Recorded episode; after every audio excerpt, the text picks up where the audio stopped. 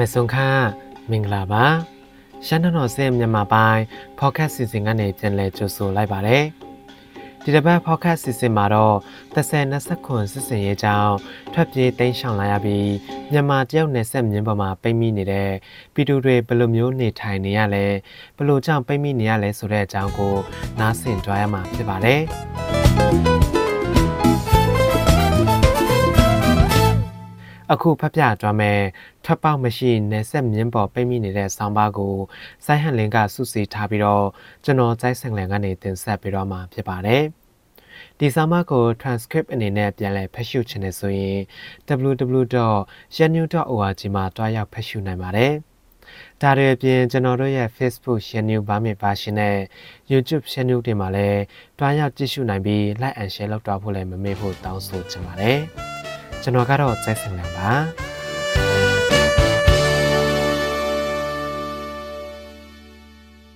ချောင်ပုတ်ထူထူထဲမှာအစိမ်းရောင်ရာရီတဲစပြီးတော့နေတဲ့လူကနေတချို့ကြတော့ချောင်းဘေးမှာအိမ်စီးကားထိုးရက်ပြီးအိမ်နေတဲ့လူကအိမ်တချို့ကြတော့ပကတ်တွေဆင်ပြီးတော့နေကြတဲ့လူကနေနေပါတယ်အများအမြင်မှာတော့အဲ့ဒီလူတွေဟာအပန်းဖြေကြီးထွက်လာတယ်လို့ထင်ကောင်းထင်ပါလိမ့်မယ် ဒီမြင်ကွင်းကတော့မြန်မာတရုတ်နယ်စပ်နယ်နိမိတ်ချစ်ဆက်ထားပြီးတရုတ်ပြည်ကခြားထားတဲ့အုတ်တိုင်းပေ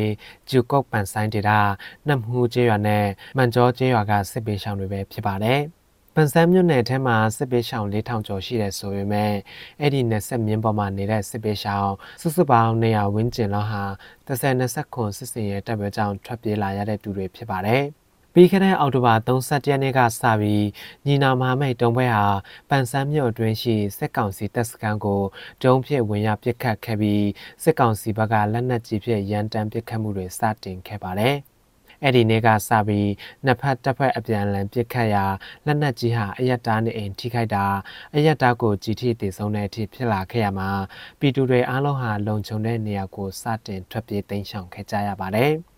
အစားကတော့ကျွန်တော်တို့အိမ်ထဲမှာပဲပုံနေကြရတာ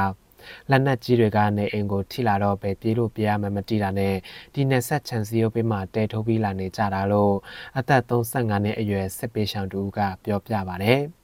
အရင်ကမြန်မာပြည်အတွင်းဒိုင်းဒါလက်နက်ကန်တပ်ဖွဲ့နဲ့စစ်ကောင်စီတို့တိုက်ပွဲဖြစ်ပွားပါက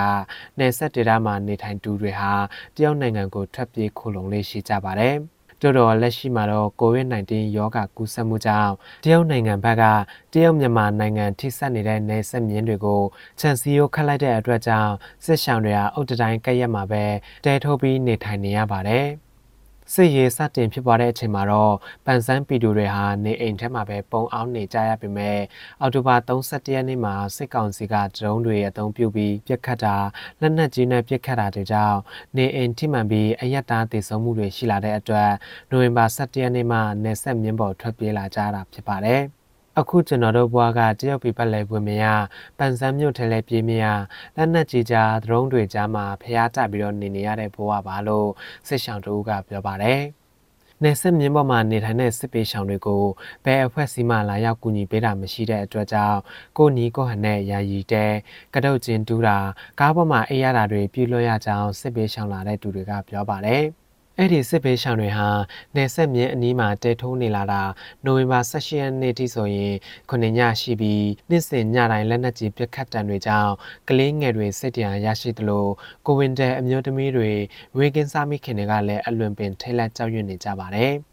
ညီနာမဟာမိတ်တုံးဖွဲဟာအာနာရှင်စစ်ကောင်စီတပ်ဖွဲ့ကိုတော်လှန်နေတော့လဲတစ်ဖက်ကစစ်ပေးဆောင်ကလေးတွေအမျိုးသမီးတွေမွေးကင်းစကလေးတွေကိုငဲ့ညာပေးရန်လိုအပ်ကြောင်းအမျိုးသမီးတွေကဆိုကြပါတယ်။ဒါအပြင်ညီနာမဟာမိတ်တုံဖွဲရဲ့စစ်ရေးဟာအလွန်ပင်အားကောင်းလာပြီးတော့ပန်ဆန်းမြို့ရှိစစ်ကောင်စီတပ်စခန်းတွေကိုတိမ့်ပိုက်လာနိုင်ခဲ့ပြီးစစ်ကောင်စီတပ်သားတွေဟာအရက်ဝတ်ဖြစ်ထွက်ပြေးတိမ်းရှောင်နေရတာတွေလည်းရှိနေကြောင်းပန်ဆန်းဒေသခံတွေပြောပြချက်အရသိရှိရပါတယ်။ အဲ့ဒီအရက်ဝတ်နဲ့ထွက်ပြေးတိမ်းရှောင်နေတဲ့စစ်ကောင်စီတပ်သားဟာပီတူတွေနဲ့လာရောက်ရောနှောနေထိုင်တယ်လို့ပီတူနေအိမ်ထက်ကိုခိုးအောင်နေထိုင်တာတွေကြောင့်အရက်တာပီတူတွေဟာစိုးရိမ်ပူပန်စိတ်မျိုးစုံနဲ့စစ်ရှောင်နေရတဲ့အနေအထားဖြစ်ကြောင်းဒေတာခန်တူကပြောပါတယ်။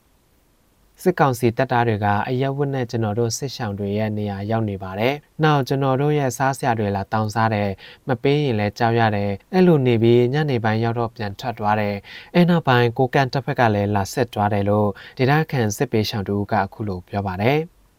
စစ်ကောင်စီတပ်သားတွေဟာအရက်ဝတ်ဖြစ်အရက်သားတွေနဲ့အခုလိုလာရောက်နေထိုင်တာဟာလုံခြုံရေးရအနေရစိုးရင်ရကြောင်းအရက်သားနဲ့အတူလာရောက်နေထိုင်ခြင်းပြုလုပ်နေစဉ်တွင်မှာပဲကိုကန်တပ်ဖက်ကလာရောက်တွေ့ရှိသွားမယ်ဆိုရင်အပြန်အလှန်ပြစ်ခတ်နိုင်ကြောင်းတပ်ဆောင်တွေကလုံခြုံရေးအရာစိုးရင်ကြောင်းကိုပြောပြပါတယ်။တချိန်တည်းပန်ဆန်းမြို့မှာစစ်ကောင်စီတပ်နဲ့ညီနာမာမဲတို့ရဲ့အကြားစစ်ရေးတင်းမာနေလက်ရှိပြီးတော့စစ်တပ်မှလက်နက်ကြီးဖြင့်ရန်တမ်းပစ်ခတ်နေဆဲဖြစ်ပါတယ်။ အဲဒါကြောင့်နိုင်ဆက်မြင်းပေါ်မှာရောက်ရှိနေတဲ့စစ်ပေးရှောင်နေရာတွေကိုအချိန်မရွေးလက်နက်ကြီးတွေကြားရောက်လာနိုင်ကြောင်းစစ်ရှောင်တွေကပြောဆိုနေကြပါတယ်။လုံခြုံရေးအတွက်တော့မစိုးရိမ်ရဘူးလို့တော့ပြောလို့မရဘူးစစ်တပ်ကပြစ်လိုက်တဲ့လက်နက်ကြီးတွေတောင်မှတရုတ်ပြည်ထဲကိုတောင်ကြသေးတာ